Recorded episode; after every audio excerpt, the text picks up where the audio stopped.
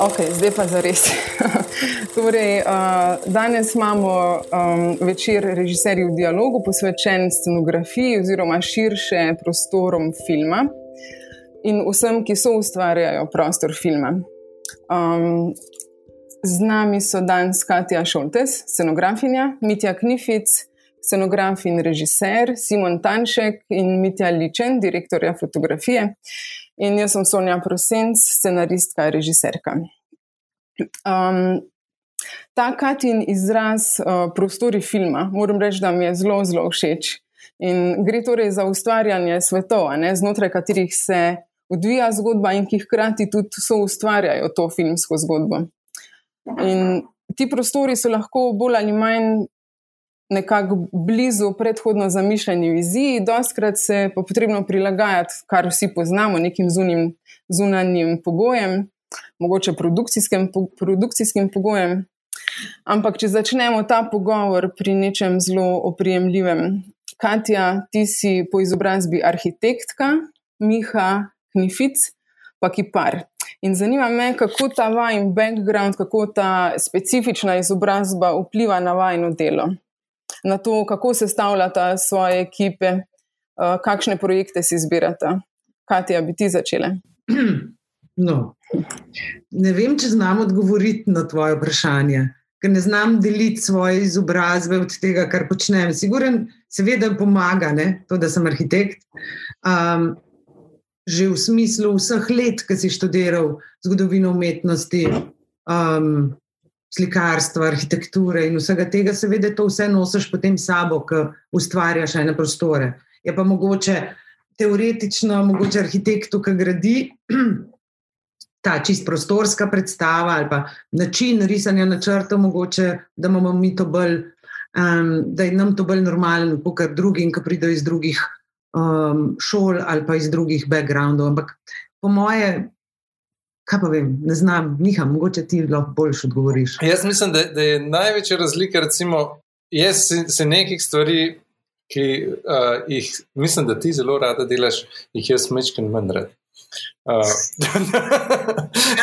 to so arhitekturne stvari. Raj, uh, zelo rad uh, ustvarjam svetove, pa detajle znotraj njih. Uh, Mn me pa zanima samo, a veš, raj, rajš naredim uh, rajš naredim, uh, se pravi, bojno polje, kot pa moderno hišo. ja, ja, ja.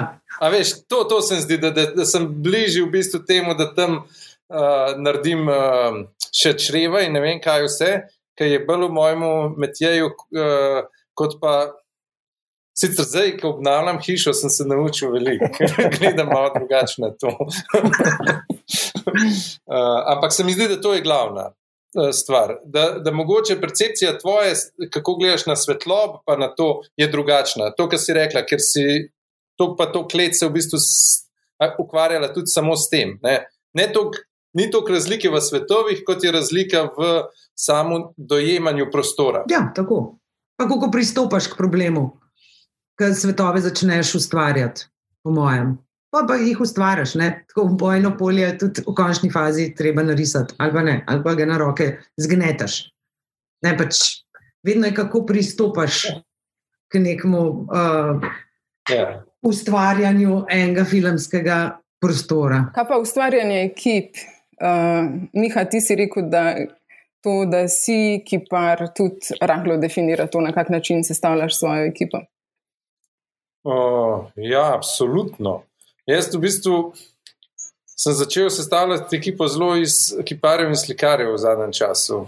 Skoraj samo njih jemljem. Je, priznam pa, da se tudi mečkam uh, pomikamo v uh, make-up prostetiko, če se iskreno z delom ekipe. To, to je pa se pravi še eno posebno področje, ne? posebni efekti v maski, pa tudi v scenografiji. Zna, znajo to, pa je pol um, to plaže. Ko smo že ravno pri tem, kaj pa posebni efekti v scenografiji, tudi to spada v vajno področje? Ja, v končni fazi vse spada v vajno področje. Pač vsa vizualna naracija, pač vizualna naracija filma, sva mi dva, ne? kar nista Simon in Mitija, ki sta luč, pa kar niso igravci, kar je režiser.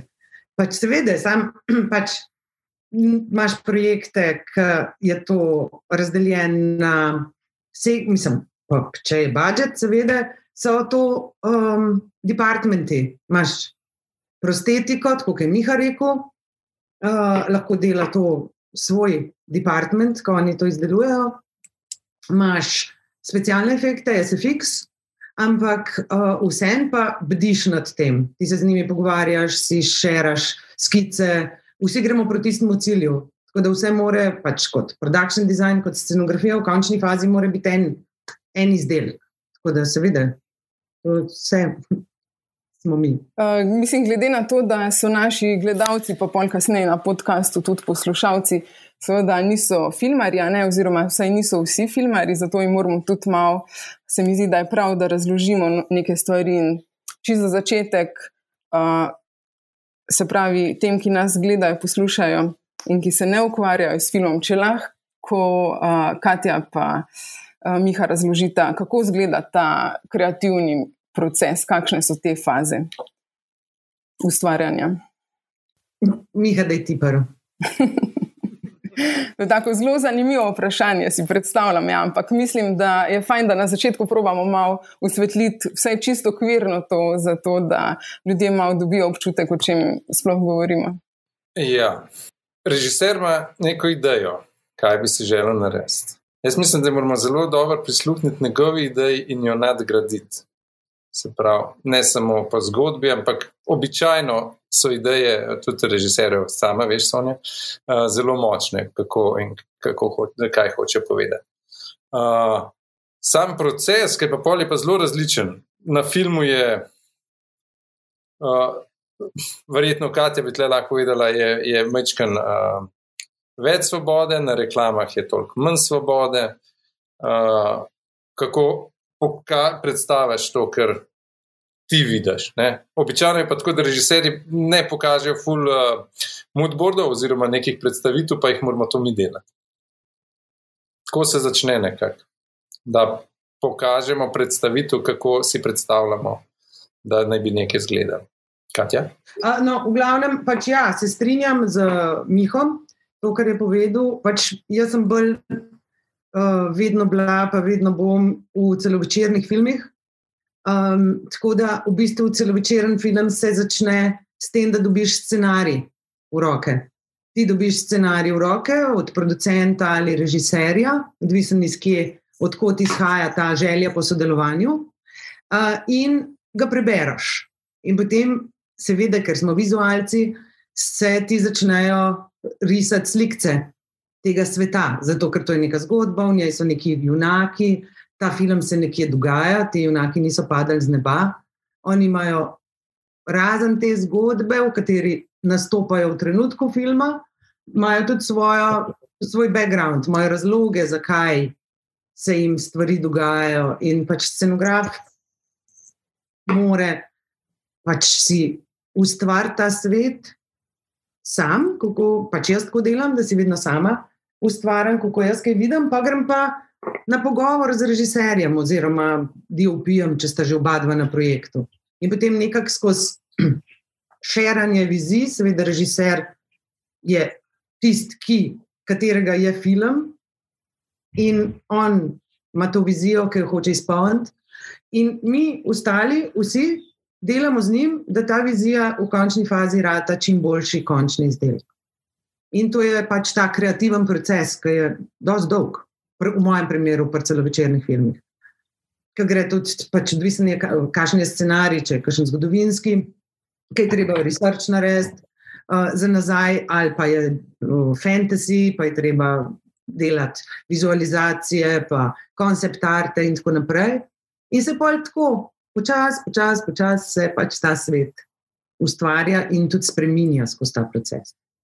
Miha, kaj se pa zgodi, ko sta scenograf in režiser v eni osebi. Se pravi, to, kar je Miha Knific, doskrat. Kaj, kaj je prednost? Aha, ja, kaj se v tem procesu zgodi? Ja? Uh, bom rekel, da včasih je zelo dobro imeti uh, še nekoga, če se skrivim. Zato včasih ne rad delam, da, da delam oboje. Ker, uh, ker se v bistvu tako kot da bi igral in uh, režiral, je tudi teže, verjetno, uh, ker nimaš dialoga, ravno to, kar je Katja rekla. Uh, prednost je pa mogoče to, da se fulmen porabi, ker se naredi samo tisto, kar uh, si uh, režiser želi, da bi pokazal. To je, pa, to je pa mogoče.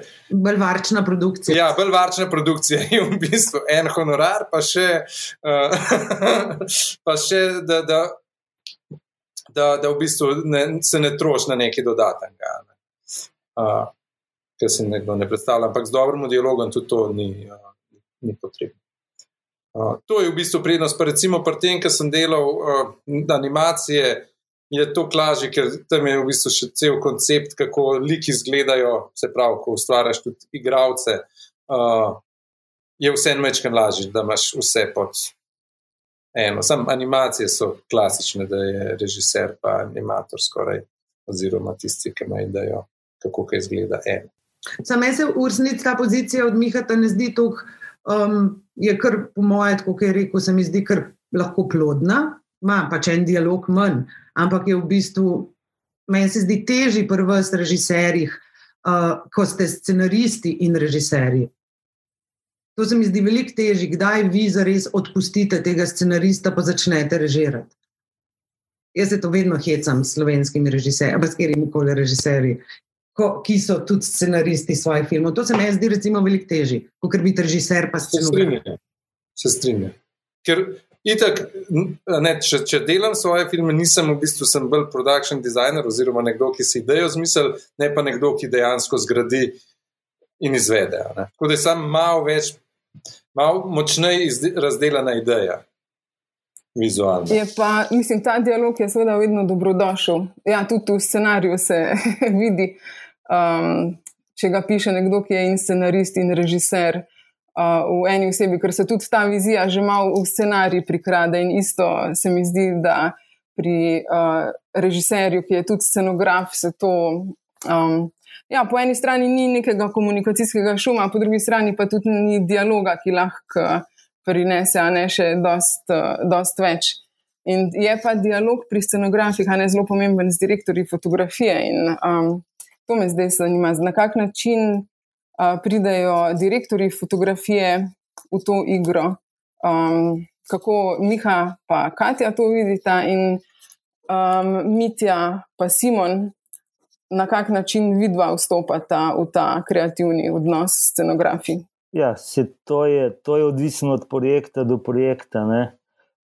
Včasih se, se, se začne ekipa vseh treh naenkrat, se pravi, režiser, scenograf, direktor fotografije.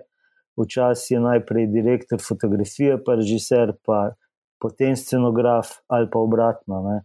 To, to je odvisen. Uh, je pa vsekakor recimo, pomembna, ne samo tako, ki je prej Katja rekla, da direktori fotografije imajo luč. Uh, veš, seveda, mi tudi pa debatiramo za scenografi, kje je okno, kje so vrata, kje so ta uh, svetlobna, uh, viri svetlobe v scenografiji, noter, ampak tukaj govorimo tudi, recimo, uh, kakšna bo kompozicija, ali bojo linije, glavni izrazni element, ali bo globina, uh, ali bojo horizontale, ali bojo vertikale. Uh, take stvari se pogovarjamo. Ne? Uh, je pa meni je vsekakor mi je najljubše delati, če smo vsi naenkrat, vsi trije naenkrat, ne? in režiser, in scenograf, in direktor fotografije, pa se pa začnejo te debate, pa vizije, pa kdaj je treba kako stvar prespati, ker te odločitve niso iz danes na jutri. Včasih trajajo več tednov, včasih tudi več mesecev, odvisno, koliko so dolge priprave. Uh, Tako da mislim, da so te tri ljudje nek, nek uh, uh, ključen, uh, ključen, uh, ključni za to vizualizacijo filma. Uh, tako pa, recimo, nekateri režiserji imajo večjo vizijo, kaj bi naredili, nekateri, mislim, vizualno, ne? Nekateri manjšo, nekateri to bolj prepuščajo scenografu in direktorju fotografije, nekateri bolj vejo. Tako da to je čisto odvisen, kjer projekt, pa kjer ljudje. Se vam kdaj zgodi, da preberete scenarij pa so te vizije, se pravi, režiserja, scenografa, pa direktorja fotografije. Po, po tem prvem branju, pred prvimi pogovori, totalno različne. In kaj, kaj se pol zgodi? Um, če imate prav kako konkretno izkušnjo z kakega filma, mogoče niti ni treba povedati, kjer film je to bil. Ja, le, vse je v bistvu na, na, na koncu vedno kompromis teh treh. Veš, seveda, vsak malo drugače to vidi, ampak ker je to timsko delo, seveda se naredi pa kompromis vseh treh, kot je vse v neki funkciji. Ne? Kot smo pa že prej omenili, pa je tudi uh, velika stvar producenta, ne? Ker uh, se vemo, budžeti so manjši, tako sploh v, v Sloveniji, v Evropi pa tako. Uh, pustimo zdaj druge, te večje študijske produkcije. In velike se, se naredijo, zakaj boste pa vi gradili, če lahko greste tja v hišo delati. Recimo, veš, zakaj boste pa zdaj gledali tok pa tok green screen, ne moramo to najti in take zadeve. Tako da mislim, da je ključen, ključen producent. Ne? Pa kar je še ključno, mislim, da se moramo na začetku odločiti, uh, uh, kaj, kaj sploh delamo. Ne?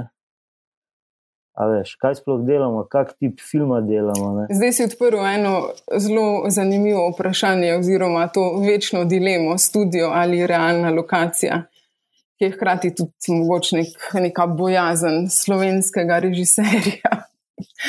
Tist, um, ne vem, kakšne so vaše izkušnje um, glede tega, če se umeji. Z bojaznimi? Ka, rečemo, uh, ja, z bojaznimi. Um, v bistvu izkušnje na filmih, kaj, kaj so si režiserji bolj želeli, kam jih je bolj vleklo v studio ali na realne lokacije. Um, pa imam še pol par vprašanj glede teh, tega. Jaz bom tole odgovoril, pa bom dal pa besedo Mitjati, ker je mislim, da en zadnjih projektov veliko studio bilo, ne, Mitja.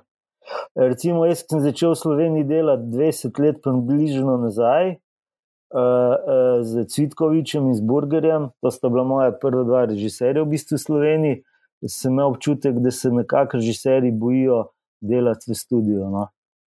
Da se bojijo, da ne bo realno izgledal, da bo umetno izgledal, uh, da ne bo te pristnosti. No? To sem imel takrat občutek. Uh, smo pa nekaj stvari tudi v studiu delali, še recimo s Katijo. Recimo, jaz veliko kraj v, v studiu delam, Eh, ko pa v, v realu, ker mi pač omogoča večjo kontrolo nad svetlobo. Ne? Eh, večjo kontrolo, stabilnost svetlobe, ni to, da se ti skozi spremenja, seveda mora pa scenografija biti narejena perfektno, tako da se ne vidi, da če pretiravam, da če grem za prevrate, da so vse zamiga. Recimo, ok, mi ti je izvolj. Ja, res je. En moj zadnjih projektov je bil tri četrt posnet eh, v studiu. Scenograf je bil Duško Milavc, In, uh, in moram reči, meni je bilo tudi strah študija, ravno zaradi teh, teh malenkosti, ker nekako doskrat v filmih vidim študijo, sploh ne vem sicer zakaj, kje ga opazim, ampak enostavno ga čutim. Po mojem je preprefektno vse, verjetno. No, mi tega problema nismo imeli. Največji izziv je v bistvu bilo to, kar smo videli skozi okno, to sosedno stavbo, ko je bila na realni lokaciji to, to je bilo nekaj najtežjega za narediti. Imeli smo neko ogromno fototapeto. In uh, na fototapeti se ne prižigajo lučke, se ne ugašajo, drugače zgleda po dnevi, pa po noč. To, to je bil, v bistvu bil še moj največji problem na, na tem projektu. No. Drugače, not samo stanovanje, ki, ki, ki, ki, so, ki ga je naredil scenografski oddelek, je bilo skoraj perfektno, bi jaz rekel. Brez, brez problemov. Jaz nikoli nisem, šele ko smo prižgali luči, sem se zavedal, da smo v studiu. No, tako bom rekel. Ko smo prižgali delovne luči, super je bilo. No, ampak tudi uh, ta malenkost, uh, se pravi, prižiganje luči na blokih, ki se vidijo skozi okno. Tudi uh, to je imel pa um, pri družinici, a ne je bilo to dobro rešeno. Na tako zelo, tak zelo preprost način, vedno smo nekako res. Uh, nas v najbolj kreativne rešitve, neki produkcijski pogoji prisilijo. In uh, mitja, na kak način so tam to reševali, tam si tudi uh, neki sodelovali. Uh, ja, vem, da tam tudi so se ukvarjali s tem, ali ne delajo fototapete ali ne. Pa smo se z Markom Brderjem na, na kavici, pa cigareti pogovarjali. In sem jaz rekel, gledaj, tvoj scenograf je izobražen slikar, naj on naslika to stavbo nasproti, in tako jo boste rabili za, za, za, nočno, za nočno snemanje. In potem so mi še lučkari pomagali, so izrezali ven tiste okna, nastavili uh, filtre, male žarnice in so prižigali in ogašali lučke, ki so bile tako nekje v tretjem planu, zablurane v zadju, za zavesami, celo mislim, da, da tam je bila ta rešitev, rešitev čist primerna. Medtem ko mi ne, mi smo imeli odprta okna ne, in ogromne površine. Mi smo rabili nekaj bolj detaljnega za naš film. Kaj, ja, kaj pa, aha, oprosti, uh, kar nadaljujem. Je pa tle tudi, veš, vprašanje, kaj delamo, kot sem že rekel. Ne? Ali se gremo, da je to nek zelo stiliziran film in kostumsko, in barvno, in scenografsko, ne? Eh, ali pa to uh, zelo realno, da mora realno izgledati.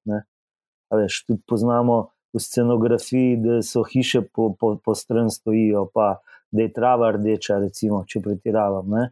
Se pravi, dovoljeno vse. In, in, in eh, ni nujno, da, da, da to zgleda realno vse. Ja, jaz sem eno s to fototapeto, ko smo ravno govorili.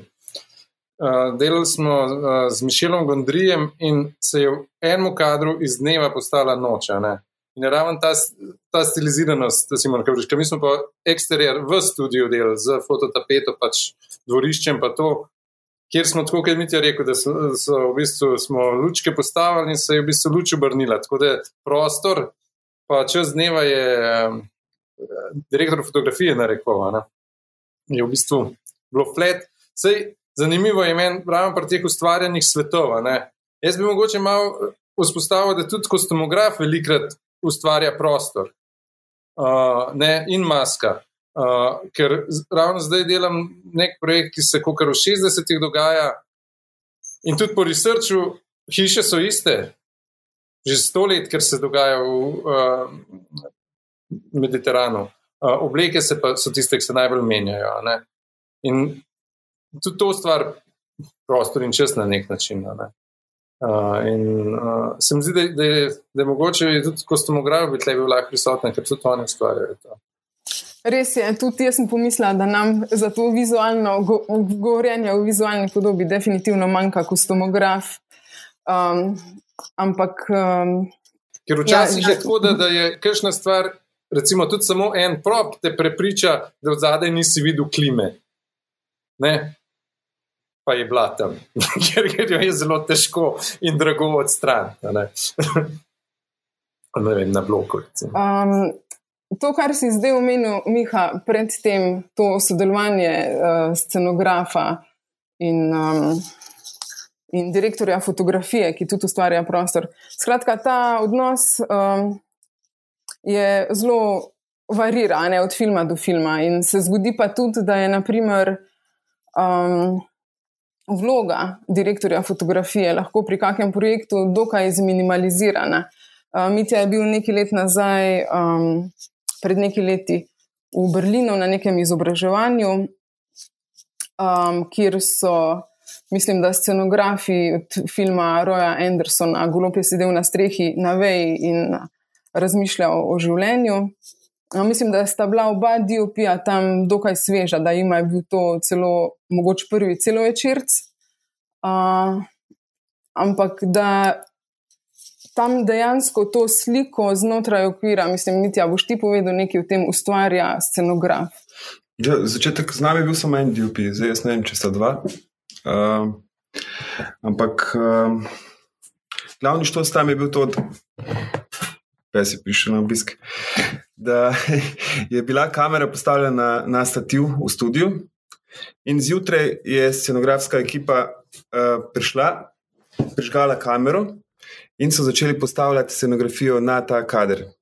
In direktor fotografije je prišel šele, ko je bilo vse to postavljeno, kamere ni nikoli več premikal, postavil samo luč, so posneli prizor in to je bilo to. Vsak prizor je trajal približno 2-3 tedne, mislim, da spravi okrog dva, dva tedna, dobra dva tedna so rabili, da so postavili vso scenografijo. Um, ustvarjali so globino, perspektivo, vse je bilo, vse je bilo nerealno, tako rekoč. Uh, po so pa ta prizor posneli v, v dnevu ali dveh, porušili vse, pripravili novo scenografijo za nov prizor. In tako so šli prizor po prizor, vsak prizor dva do tri tedne. Ja, samo moramo vedeti, da Roj je že tako uh, močen avtor, da tam uh, uh, že vemo, kakšen bo film. Tam je zelo specifično. Ja, tako da. Vse tudi v ameriških filmih, če malo skočim, da ne bo Raj Anderson res zelo specifičen avtor, ki ima zelo specifičen um, pristop k scenografiji, pa tudi njegovi projekti zelo dolgo trajajo, preden se naredijo, ima čas, ima tudi denar, objasni in to je v redu. Ampak scenografi, recimo tudi na teh velikih ameriških filmih, ki so kakšne franšize ali pa delajo te fantazije, pa to je scenograf tisti, ki je edini in ta prvi in skozi production designer tisti, ki je v bistvu nosilec projekta, vizualno naracijo. On, čez, on je pol leta prej, smo, je, so um, pač sektori scenografije že angažirani. Potem pride ta režiser, pa DOP, pač to je ameriški sistem, ki ni ta avtorski, uh, evropski, pride tako kot posledica. Ona dva prijeta na job in naredita zelo drugače. No? Uh, scenografija se že gradi, mi že vse zgradimo, pa noben ga še ni angažiranega, pa, pa pridejo počasi, kakšni režiserji, pa kakšni DOP. Tako, pač različni pristopi so, seveda, tako kot je Simon prej povedal, odvisen je, res zelo je odvisen, kakšen je projekt. Ja, zelo je odvisno od te vizije, ampak zelo zanimivo se mi zdi sploh misel na to, da znotraj tega okvira uh, scenograf praktično ustvarja sliko, kot, na nek način kot slikar, skorda. Um, tako malo uh, romantična se mi zdi misel na to. No. Um, je, se mi zdi pa to mogoče uh, dobro izhodišče za razmišljanje o tem, uh, na kak način se razlikuje to, če ti postavljaš scenografijo, se pravi, točno za določen kader, za že postavljen, rečemo, statičen kader. Um, ali pa da moraš uh, graditi uh, oziroma pripravljati vem, 180 stopinj ali pa celo 360. To je vse spet stvar dialoga. Umor, pač jaz pa tako delam z, recimo, z režiserji, pa z DOP, z direktorji fotografije, da se z, dogovorimo, kakšni so kadri. Pač vnaprej se dogovorimo, če so statični, če so vožne. Pač stvari se tudi, ko v studio gradiš, ali pa na realni lokaciji, ni jim sploh pomemben um, se ponavadi filmi, razen če spet nekdo nima pristopa tacga, da bi, recimo, kakšni režiserji pridejo pa snemajo. Ne razkrivajo svoje ekipi, svojih kadrov, obstajajo tudi taki. Se pravi, tam moraš 360 narediti. Ne? Ja, seveda, moraš 360 ja. in pač mora to tudi producent vedeti, um, da je to 360, zato ker drugače ne gre. Ker je način dela tak, da je 360, to je to. Uh, sicer, pa, um, sicer se pa med sabo, seveda, dogovarjamo in tudi, ko mi rišemo objekte ali pač posnetke lokacij, uh, potem si urišemo kadre, smeri kamere, kako bomo. Vnaprej se že tako zmenimo, kakšen je izrez slike. Se pravi, kaj delamo, kakšna je kompozicija, ker glede na to mi komponiramo scenografijo. Glede na izrez slike, že vnaprej, ki se zmenimo, kakšen bo. Tako da, ja, seveda, če imaš en statičen kader, je to ena slika. Ampak film, recimo, je milijardo slik, ki jih mi komponiramo. In to je pač maraton. Kaj pa zaupanje, koliko je pomembno samo zaupanje med scenografom in direktorjem fotografije? Se pravi, oba skupaj, ok, še skupaj z režiserjem, ampak oblikujeta to vizualno podobo. Um, recimo, primer v postprodukciji slike se pa zgodi, da je mogoče, da se vizualni koncept spremeni, da film postane zelo svetov in s tem tudi mogoče razkrije neke stvari, ki bi morale ostati skrite in potem v scenografiji ali um, izpadejo kot napaka ali karkoli. Um, Koliko kolik vam je to pomembno, oziroma razmišljate kdaj o tem med delom? Le, se, zato so priprave, veš, zato so itak priprave in testi, uh, itak, če mi delamo z majhno globinsko strino, pa scenografu ni treba iti v, v, v take detajle. Recimo, uh, je, absolutno mora biti zaupanje, kle, pa, pa tretja oseba je pa tudi režiser. Ne? A veš, če rečemo, da bomo videli samo tisti kot na svetu, je tisti kot. Veš, ne more se pa na svetu zgoditi, čeprav se tudi to dogaja, reči, da je še nuno stresnema. Hej, scenograf ni na redu, jaz nimam luči, mislim.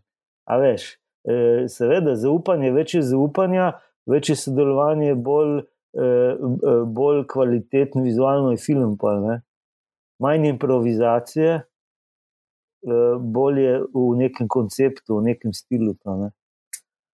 pa tudi hitreje poteka proces. Zdaj, to ni, mislim, pač tako, kot si imam prav, če so priprave izvedene tako, kot je, um, pritiče projektu, ki ga imamo na mizi. Pa se mi zdi, da pač je snemanje je v bistvu eksekucija. Jaz med snemanjem si želim, da se režiser ukvarja samo z igravci. Zato, ker oni so v tem momentu najbolj pomembni. Mi nehamo biti pomembni, mi smo že naredili svoje mi podiramo, gradimo, sodelujemo, zato ker smo že vse zmenjeni. In če se lahko režiser ukvarja z igravcem, se mi zdi, da je to največ za film. Zato, ker oni morajo ta moment igre, pa trenutek filma ujeti, da bo film dober. Mi se lahko na glavo postavimo, pa vse naredimo, pa če igravc ni dober, ne bo tako. Itak. Mislim, je pa res, da lahko povem, Simon. Ne, verjeti moraš, verjet moraš vsem stvarem. Eh, in eh, če pa igralcu ne, ne verjameš, je pa katastrofa. Je super luč, super scenografija, super zgodba. A veš, to je pa pol, vsi elementi se morajo poklopiti in štimati v bistvu. Tako kot je prej Miha rekel, ne? če imaš dobrega igralca, ne boš opazil tiste klime v kotu ali kaj recimo. Pa tudi, če imaš malo bolj teatralno, recimo kuliso, eksterjerja ali pa ne vem kaj, jaz proti temu nimam nič. Če ti filmu verjameš, gre to mimo. Pač meni se zdi tako hecen, ker vedno se pogovarjamo o tej scenografiji filmski, pa tudi um, uh, v slovenskih filmih, recimo, ki ni budžetov, pa potem, ajo sploh rabimo, za res, če imamo realen, realističen scenarij. In to se mi zdi ta, ta um, temeljna razlika med teatrom in filmom. Teater je vedno prazen, vedno, ki ti začneš delati, je to prazno in ti ustvarjaš prostor. Da film ima pa to birglo fizičnega prostora, ki obstaja in ga ti moraš v bistvu, kljub temu, da obstaja, se jaz ne strinjam, da ga snimaš takega, kot je. Lahko tudi, če je tak, seveda, projekt.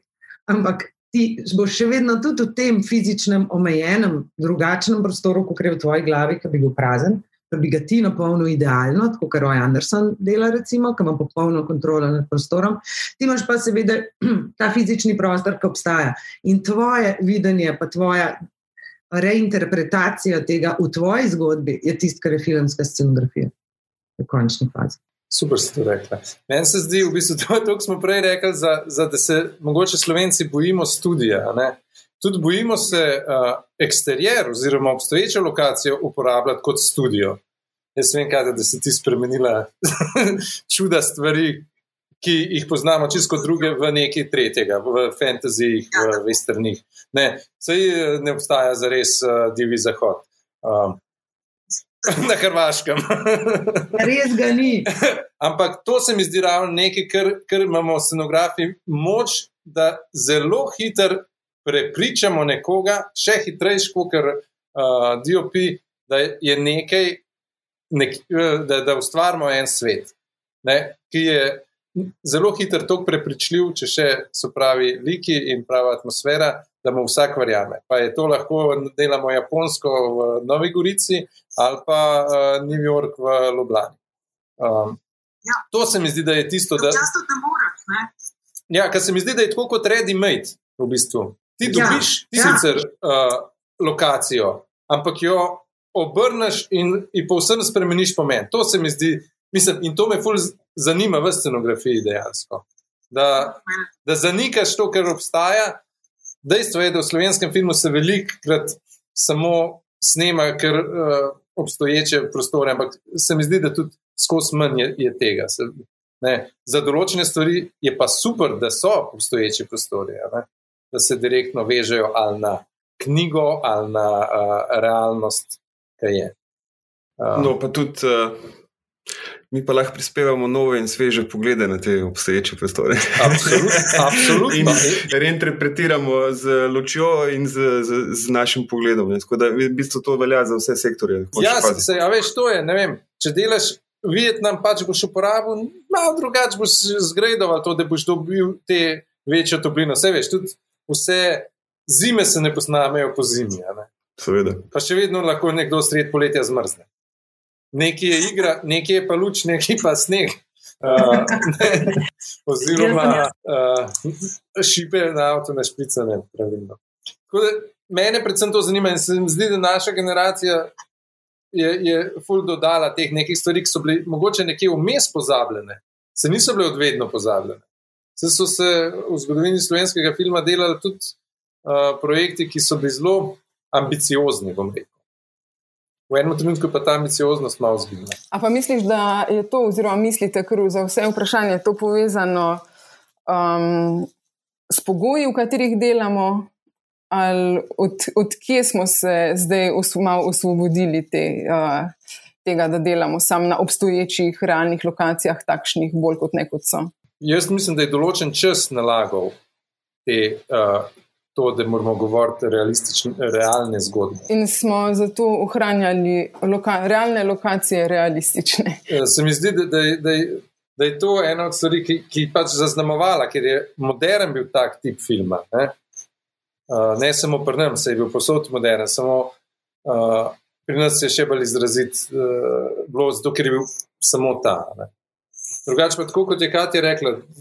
Lahko ustvarimo, mislim, lahko naredimo film, ki je ker so zadaj samo projekcije, pa bomo verjeli, da se dogaja vse za res. Oziroma, ker, odzadaj, ker je narejeno vse iz kartona, pa bomo verjeli, da je za res. Samo odvisno je, kako podajamo. In ravno to je magic uh, filma, da lahko človeka odpelaš, da verjame nečemu, ker dejansko se ni za res tako zgodilo. Ne, se je vse čas to uh, v bistvu na nek način lažje. Ja, e, e, mi smo bili dve, tri leta nazaj na festivalu Kameri Maš na Polskem in je go, neko nek, uh, predavanje imel Luciano Tovoli, zelo znan italijanski direktor fotografije. E, pa je rekel, da, da, direktori fotografije in scenografi pomagajo uresničevati sanje režiserjev. In to mi je tako super definicija bila. Ne? Ampak to, Miha, kar, kar si umenil, se pravi, da, pa tudi Katja prej, da ustvariš nek svet, ki mu verjameš, pa čeprav je to totalno stilizirano, mogoče tako res, ali pa zminimalizirano. Dober primer tega Dogville, kjer ne obstajajo praktično samo črte na tleh, ki nam dajo te neke, um, neka sidra. Katja, Kaj si ti misliš o tem? Jaz filmu? bi rekla, da nekdo je moral posneti ta film. to je eksperiment, ki je super. In nekdo se je moral tega lotiti, in se ga je lotil, in ga imamo. Zdaj, a bo še veliko takih istih filmov? Najbrž ne. Je pa on že nekaj raziskal, se pravi, s tem, da je, da je prostor zreduciral samo na asociativne predmete, ki ti v bistvu v glavi naredijo prostor ampak teh um, različnih načinov vizualne naracije, toliko kot režiserjev. In je to pač to, kar bogati v bistvu prostor filma, različni pristopi k temu. Zato, ker tudi mi, recimo, um, včasih veliko, tako kot je Miha rekel, ki mi spremenjamo. Pač kjerkoli prostore, v Divji zahod ali pa v uh, Robine Hude ali pa ne vem kaj, In je to fantazija, ki tako nikjer ne obstaja. Ampak imaš tudi primer, ko snemaš v Budimpešti, Pariz. Ne, vedno se za neki, za neki drugega snema. Se pravi, ti moraš spremeniti vse, kar je tam, da bo gledalec verjel, uh, da je to Pariz, čeprav je definitivno Budimpešta. In isto smo, zdaj smo snemali ta, sem bila scenograf tega filma od Naomi Watts, mi smo pa delali New Hampshire. Se pravi, ne moreš imeti stanovanja oziroma hiše iz New Hampshira, ki bi jo lahko realno, v realu posnel v Sloveniji. Zato, ker so banalne stvari, ampak to, to so take stvari, ki jih takoj intuitivno, siguren poštekaš, ker so drugi, druga stikala, druge vtičence, drug način ogrevanja, druge kluke na vratih, uh, drugačna razmerja sten, drugačni materiali, kako se gradijo stvari, kako se vrata odpirajo. In vse to tke ta prostor, ki ga moš, in mi smo to vse v studiu zgradili. Um, jaz imam rada studio, najrajš. In je bilo super. In smo to vse naredili v Sloveniji. Zdaj, zdaj pa še hitro povej, zakaj točno imaš najrajš studio, ker to sem tudi hotela prej vaju oba vprašati. Se pravi, prav to ustvariti na nek način iz nič na, na praznem platnu. Tako kot to, kar smo prej, pač to je idealna pozicija scenografa, da lahko ustvari svoj prostor. Ki ni odvisen od realnega fizičnega prostora. Poleg tega pa pač tudi jaz se namaram drenati po teh lokacijah, ker se vsi drenjamo, ker so ekipe po hodnikih, ki vedno ful škode naredimo, zato ker se pač drgnemo v bune stativi, ob stene in tako naprej.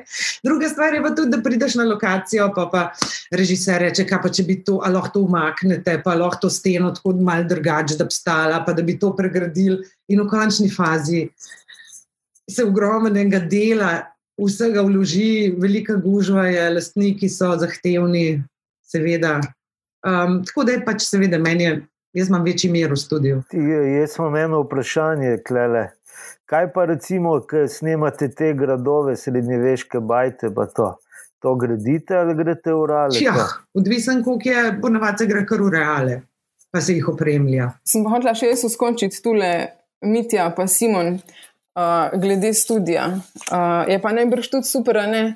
To, da ti ponuja neke možnosti za neke nemogoče kadre, recimo, ki ne bi bili možni na realnih lokacijah. Ja, seveda, lahko steno makneš, ne, če ne drugo.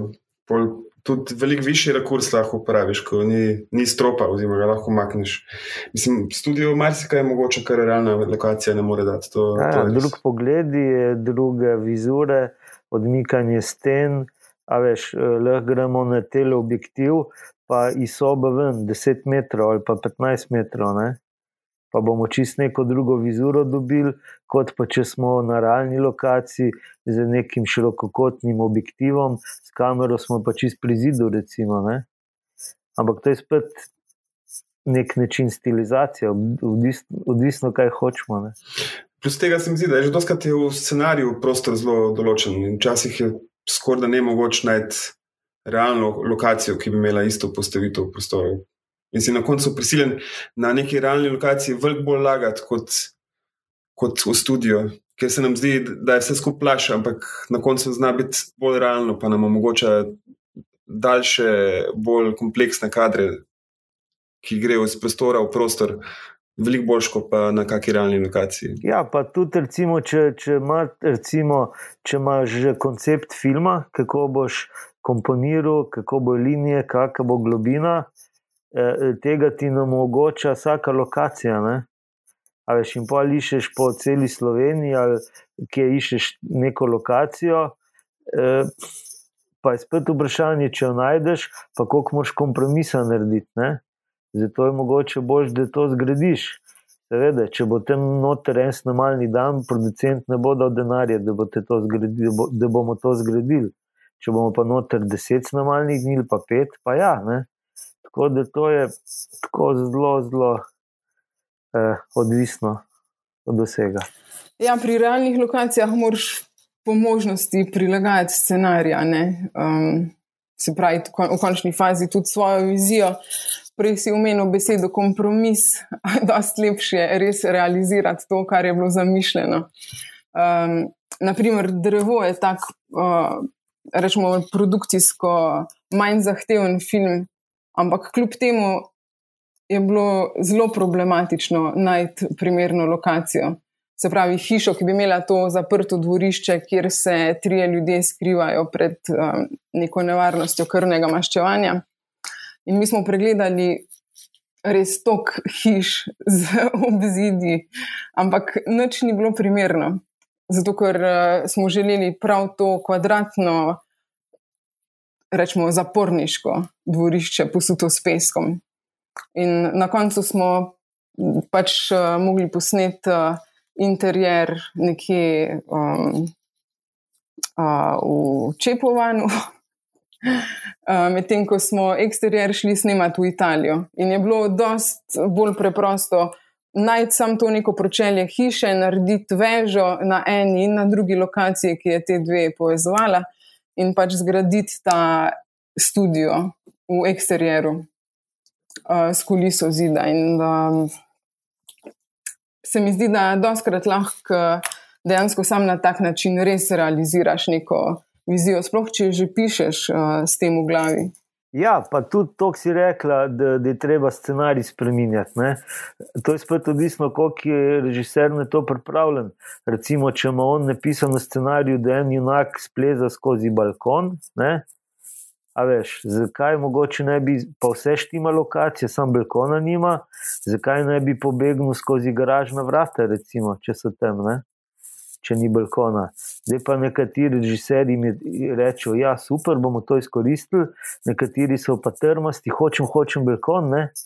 a veš, eh, balkona pa ni. Ne? Recimo, da... Tveganje je večje na z balkona. Za lik, bolj ja. nevarno je. veš, tako da je spet odvisno od koliko je režiser pripravljen spremenjati scenarij. Je pa tudi uh, uh, super, da veš, ko se kak problem pojavi, pa pa scenograf ponudi režiserju, da kaj pa če bi to, pa če bi to, ne? Katja zelo to dobro zna. Ne? Hvala ti. Ampak je po eni strani pa tudi res to, kar je Mitja sicer na pol ušali rekel, tveganje je večje z balkona. Um, ker na realni lokaciji se ti dejansko hitro zgodi, da boš ti sprejel nek kompromis um, zato ker si pač prisiljen v to. Uh, ampak napisano je bilo pa tako, kot je bilo, res z namenom. In najhujše je, če se tega spomniš le kasneje, ne? zakaj točno je bil tisti detajl tam, ker v resnici ni tako zanemrljiv.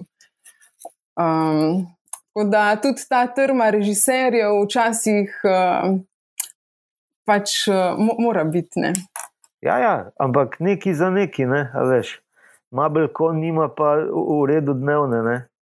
Nekaj pa v redu dnevna, ni pa belkon, ampak so garažna vrata, recimo. Pa se moš pa odločati, ali boš to, ali boš to, ali boš kaj tretjega. Ne. A veš, in pa se to vleče, pa idemo šestkrat, pa idemo šestkrat, in pa si eh, tik pred zdajci, in pa se moš odločiti. Ne, kaj pa, če se kaj novega zgodi, pa? Lahko pa nova, čisto nova ideja. Pride. Absolutno. To je tudi možno, seveda. Sej to, to je pa ta rešitev, da pol odpiraš polje za presenečenje, jaz temu rečem. Da se zgodi še nekaj boljšega. Scenarij je literatura, in ko se začnejo stvari delati, se seveda tudi scenarij spremenja.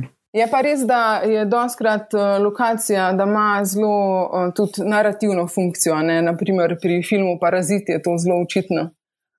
Veš, in zdaj iskati neko tako realno lokacijo, je to, po mojem, pač se ne da na tak način delati. To, to je treba zgraditi. Um, zdaj pa, če pa nima neke močne narativne funkcije, je pa seveda imaš več manevrskega prostora za neka prilagajanja. Zdaj me pa zanima še ena stvar in sicer um, Katja, pa Simon, va, pa ne, v bistvu tudi Mitja ali ne, Mitja, mogoče ne. Vaš uh, vajen zadnji skupni film je bil Črno-Bel, ne? Mitja tudi snimal zdaj kar nekaj črno-belih filmov, za Mihata ne vem. Ampak to me zanima, na kak način črno-bela ali pa barna fotografija vplivata na scenografijo. In zakaj je v bistvu pomembno, da odločitev, da bo film, rečemo, črno-bel, dejansko ni sprejeta, šele naknadno v postprodukciji bomo zdaj mi to učebe spremenili. Simon? Ja, e, nikakor ne more to biti naknadno sprejeto, ne? ker recimo zelena pa rdeča barva na barvnem materialu sta med sabo kontrastna, sta komplementarni. Ne? Če pa to prevedemo v črno-belo lestvico, sta pa lahko enaki. Se pravi, če bomo imeli zeleno, klepa rdečo, bo razlika, damo to v črno-belo, ne bo razlike. Ne? E, zaradi tega se moramo prej odločiti, e, kaj bomo delali. E, se pravi, pri barvih gradimo na barvnem kontrastu, pri črno-beli sliki pa gradimo na svetlobnem kontrastu, se pravi svetlo, sivo, črno, temno. Tako. Ja, scenografije črno-belih filmov v bistvu v barvah grozno izgledajo barvno. Ja, se zdaj, mi smo zdaj, prejšnje dneve smo eh, kolorirali, kolorirali ta črno-beli film. Ne? In jaz eh, vsako jutro sem rekel, eh, koloristu, da mi barve pokaž. Pa sem s telefonom fotko in sem producentki poslal, ne, in je bila vedno šokirana, kaj mi to delaš. Sem jo tako izzival, ker katastrofalno zgleda ne, v barvah. No, way, ne gre, ne gre skozi to obratno pa tudi ne. ne? Ja, obratno pa tudi ne. Tako da pač moraš vedeti že od začetka, da boš delal črno-bel film. Zelo pomaga. ja, ja, absolutno, absolutno pomaga. Simon Mitjam je omenil uh, kruh in mleko, Jana Cvitkoviča. Ja? Um, ti si bil, bil na tem filmu direktor fotografije, ne? Nisem um, bil. A nisi bil? Ne, to ni laznik, ki je bil. Čakaj, mogoče to v Leru je, v Leru je bilo to. V Leru sem pa bil. Ja, ja. In sem z vas kot sodelovala, ja? Vas je kokel, ja. ja. Kokel je, ne se mi zdi. Jaz, če imam ja, prav spomin, če imam prav spomin, je on meni rekel, da si ti njemu svetlomer posodil, da je on ja, za ja. svetlomerom barvo scenografijo. Ja, ja, no, recimo to je ta primer, črno-belo barvno. Ja, ja. E, e, a veš, itak, e, delali smo na trak, to je leto 99, nekaj tasga, uh, in uh, njemu in uh, kostum, kost, kostinerki Polonci Valentinčič, uh, sem svetlomir posodil, spod meter, ne, ki ti prav uh, kaže razliko med uh, zeleno, rdečo, med barvami, kje je svetlejša, kje je temnejša. Uh, tako da smo tudi na tem gradili. Zdaj, v teh digitalnih časih je to eh, bolj lahko, ker pač fotografiraš digitalno in predsvidiš, ali s fotoaparatom, s telefonom, čemer koli. Mi smo pa takrat še kostumske probe pač fotkali na negativ, pa razvijali in je vse trajalo. Ne? In pa ste rekli, da bi lahko mi to malo pohitrili, uh, in sem pač spod meter, svetlomir posodil in so umirili. Kakšna je razlika? Pa? Tako da, ja, super, da si to spomnil. Ja. Kaj pa pri varnem filmu, ustvarjanje varne palete filma, zakaj moramo to sploh določiti? Um, kakšne so vaše izkušnje uh, z režiserji, kako natančno to vizijo pridejo do vas in koliko je pol, rečemo, končna podoba, to, kar vidimo na filmu, blizu to, temu, kar je bilo zamišljeno. Pa se ni to režiser, ki z barvom. Ampak je tudi odvisno od tega, kar je prej povedal Simon. So režiserji, ki so bolj vizualni tipi, se bolj ukvarjajo s temi stvarmi, pa v neki so manj. Ampak vsekakor scenograf, pa kostumograf, pa direktor fotografije se pa s tem zelo veliko ukvarjamo. Od začetka do konca filma, na vsakem filmu. Zdaj, pri kažem filmu je to zelo pomembno, pri kažem filmu ni to pomembno. Ampak vsekakor, za, pač, če, če smo pri tem, da delamo kompozicijo neke slike, ne in se teh slik veliko, uh, nam tudi barve nekaj pomenijo v scenografiji in v kostumu. Prav, barvna skala prostora napram barvni skali junaka. To vse je del te slike. In eno z drugim je del vizualne naracije, ki barve psihološko delujejo na nas, ne delamo samo lepih slik. Ja. Pa imamo pa še tle barvo svetlobe. Ne? Nisem barva scenografije, kostumov, imamo tudi barvo svetlobe. Svetloba je lahko bolj hladna, bolj topla, lahko damo nekaj efekt folije, gor, lahko zelo rdeče, zeleno, kakorkoli. In pa te vse komponente skupaj skup prenesejo neko likovno vrednoto. Ne? Da pa eni filmi so bolj na tem bazirani, eni so pa manj bazirani. Koliko si pa pri tem nekem iskanju skupnega, rečemo, izraznega jezika pomagate z nekimi moodboardi, referencami, gledate kdaj filme z režiserji. Um, Kakšne imate te razno razne postopke, kaj vam pomaga? Absolutno. Greš skup na razstave, greš skup eh, film pogledati, skup eh, kako knjigo o likovni umetnosti listaš. Eh, to se dogaja v delovnem okolju ali na kofetu, in, in se pravi, to je, to je proces, ni to z danes na jutri, to se razvija. Mislim pa, da pol pika ne i, so pa lokacije, ne? ker nekaj je to, kar, bi, kar mi hočemo, nekaj je pa pol. Kaj je tam ne? in koliko smo, mi, uh, koliko smo mi v možnosti to, kar je tam spremenjati. Recimo, recimo, klasičen primer je, uh, da, da ne vidimo zelene barve, pa pa pride snemanje uh, konc maja, ki je najbolj zeleno, vse. Recimo, kaj bomo zdaj? Ne? Ni pa mogoče to snemati novembra zaradi zasedenosti igralcev, recimo, ali nekih pogodb. Kaj bomo zdaj? Ali bomo šli črno-bel film delati? Ne vem, ali bomo travo barvali, ne vem, ali bomo v kolor korekcijah to rihtali, če bo neopazno, ne? da bomo to zeleno nižali. To so pa pač odločitve. Ne? Kaj te, na kak način pa ta dialog uh, poteka na teh ogromnih uh, projektih, vem, kot naprimer Robin Hood, tam si delala? Zelo podoben, sam več ljudi več govori. Je isti cilj, enak cilj je, sam je um, pač ogromen ljudi upletenih, ker so že scenografski sektori ogromni na teh velikih filmih, ogromen nekih ljudi. Eni, ki rišejo, eni, ki modelirajo, eni, ki um, koncept arte delajo, neki načrte rišejo, neki izdelujejo rekvizite, zato ker te vse filme, ki so fantasy, je treba tudi zelo veliko rekvizitov narisati, pa izdelati. Uh, jih ne moreš kupiti v trgovinah, zato ker jih še nikoli ni bilo. Recimo. Uh, ja. Tako da je zelo zanimivo, tega, ker se ti lahko sprehajaš po teh velikih hišah uh, kot art department in, um, in se med sabo v bistvu koordiniraš, se vsak oddelek ima svojega človeka, ki bo komuniciral z drugim človekom. Pač večji sistemi so, ampak je v bistvu isto.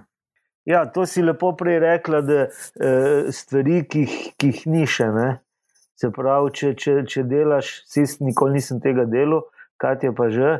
Če ustvarjaš nek svet, se pravi, ni to 15. stoletje, ampak je ne vem, nekaj uh, nerealnega ali pa eh, prihodnost leta 5000, recimo. Ne?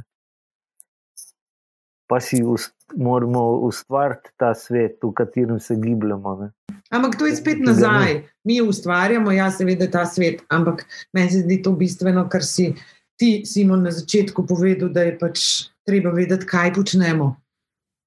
Na začetku filma, na začetku priprav, ne zdaj konkretno, seveda stvari se spremenjajo, vse smo fleksibilni, ampak da v, v resnici ti tudi um, razumeš, kakšno prihodnost leta, ne vem, 5000, na kakšen način boš ti premaknil realnost v prihodnost.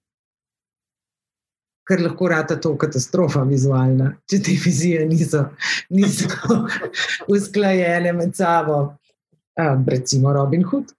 Ampak, ampak pač to se dogaja, to je težko ustvarjati, zato je velikrat v teh um, filmih, ko se ustvarja prihodnost, se velikrat kopira ali pa dela preteklost, reinterpretirano preteklost. Ali so kar naenkrat vsi v prihodnosti, v, um, da so v srednjem veku, ali Skratka, vedno se obrnejo, velikrat se scenografi, pa tudi tako, um, produkcije, obrnejo svojo vizijo v preteklost, da delajo prihodnost. Pa se pa gadgeti, propsi delajo, ki pritičejo temu svetu, ki ga še nihče od nas ni, recimo, da nikoli videl. Pa smo pa pri tem bolj, bolj uspešni ali pa manj uspešni. Zaradi tega je verjetno tako težko. Zelo je težko. Na, na novo, ja. Zelo je težko. Ampak vse, kažni so fajn filmi. Mislim, pač imaš recimo tak klasičen film, ki je meni zelo, um, ki ni glih fantasy, ampak je čist mal premaknen. Se mi je zdel fajn tale film, ko je že naslov Her, ki glih mal premaknen v prihodnost. No, se imamo tudi. Ta film je vizualno zelo um, inteligenten, se mi zdi. Oprosti si. Imamo tle tudi Mihata, ki je delal film Lovec oblakov. Ja, ravno to sem tudi Pa jaz sem se vprašal v preteklost. Je, je, imamo v slovenskem okolju tak eh, kratki film, ne? ki se dogaja v prihodnosti. Jaz mislim, da tudi uh, bistveno lažje razumemo nekaj, um, kar poznamo, kot nekaj, kar ne. Se tudi uh, Mad Max je v bistvu tak tipičen primer tega. Ne? So avtomobili iz uh, preteklosti. Mislim, re- res so v bistvu redki, redki poskusi, ki so dobri za, za prihodnost. Oziroma so tako minimalni, da, da jim verjameš. Recimo, osmi potnik, enka, je še vedno najboljši od osmih potnikov, pa še vedno gre najdlje v prihodnost, čeprav Geigerjeva scenografija in slike so čist zastarele. Mislim, kar se tiče eh, datiranja. Ja, sam je pa v bistvu kul, cool. meni je všeč zaradi tega, ker so bili vedno ti space shuttle, so bili vedno full clean. Vse je tako oblazinjeno, belo, vse je super clean. Ja. Alien je pa treši. Se, pač to, oni naj, tam živijo. To je njihova Ja. hiša, v kateri oni živijo, pač je v vesolju, ok. Ampak je pač njihova bajta. In ta bajta je sesuta, zato je pač ena kanta, v kateri so že toliko in toliko časa. In je zaradi tega super. On je bil full scenograf, spremenjen. To je super, ker Ja. ni preambiciozen. Ja, ja, ja. Ta, ta zadnji projekt, ki smo ga delali pred karanteno, je, se še ni vam prišla, je bila reklama za karantin igrcev od Sigme. Uh, neposrečen trenutek, da smo to delali. In smo snemali v Varšavi v tovarni avtomobilov, Poloneza, v kanalu, kjer se barva. Ampak ti si zgledal tako, da te je odpeljal, ker si pogledal, kako je osvetljeno, pa to, pa ker so bili noter liki, da te je odpeljalo v vesolje. Koliko je v bistvu in si izgubil vso težnost in vse, ker ti lokacija sama, uh, čeprav je bila čist prizemljena v Varšavi, narekvala, da verjameš, da je nekaj nekje drugje. To je recimo nekaj, kar mene ful vleče. Ker je to tako hiter. pa pa prepričaš človeka, da je. In se mi zdi raven ta storytelling, ki ga lahko delaš, tudi scenografijo, nekaj, kar mi je, mi je zanimivo. Ker uh, bom rekel, da kot režiser uh, težko poveš tok zgodb. Tudi sem hvaležen, da je v bistvu lahko kot scenograf, predvsem na teh reklamah, pa to, ker so tudi kratke, ki je lažje jih več različnih tudi govoriti na, na, v kratkem času ali pokazati. Sem v bistvu ful hvaležen temu, da imam to možnost. In ta primer, ki si ga zdaj dal, se mi zdi, da zelo um, fajn ilustrira to, na kak način scenografija s fotografijo ustvarja ta, ta prostor. Um, to si rekel, da te odnese čisto v nek uh, drug svet. Um, zdaj mislim, da smo se počasi približali koncu.